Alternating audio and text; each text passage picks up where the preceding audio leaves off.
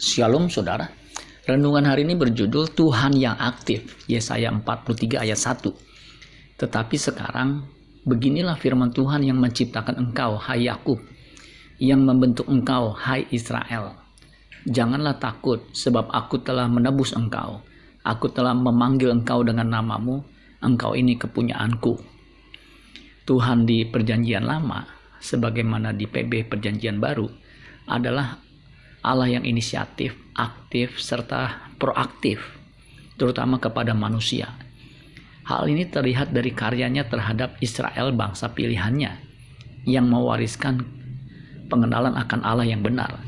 Ia adalah Tuhan yang menciptakan Yakub, membentuk Israel, menebus, memanggil bangsa Israel.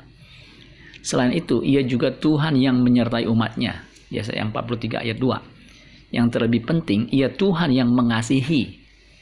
Yesaya 43 ayat 4. Karena ia mengasihi kita, maka ia menebus kita. Sehingga kita menjadi milik kepunyaannya yang berharga di matanya.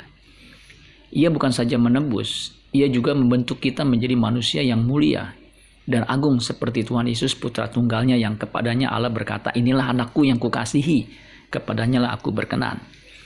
Jika kita mengalami proses pembentukan Tuhan yang menyakitkan, jalani saja. Ingatlah akan hasilnya, yaitu kemuliaan dan perkenanannya. Amin buat firman Tuhan. Tuhan Yesus memberkati. Sola Gracia.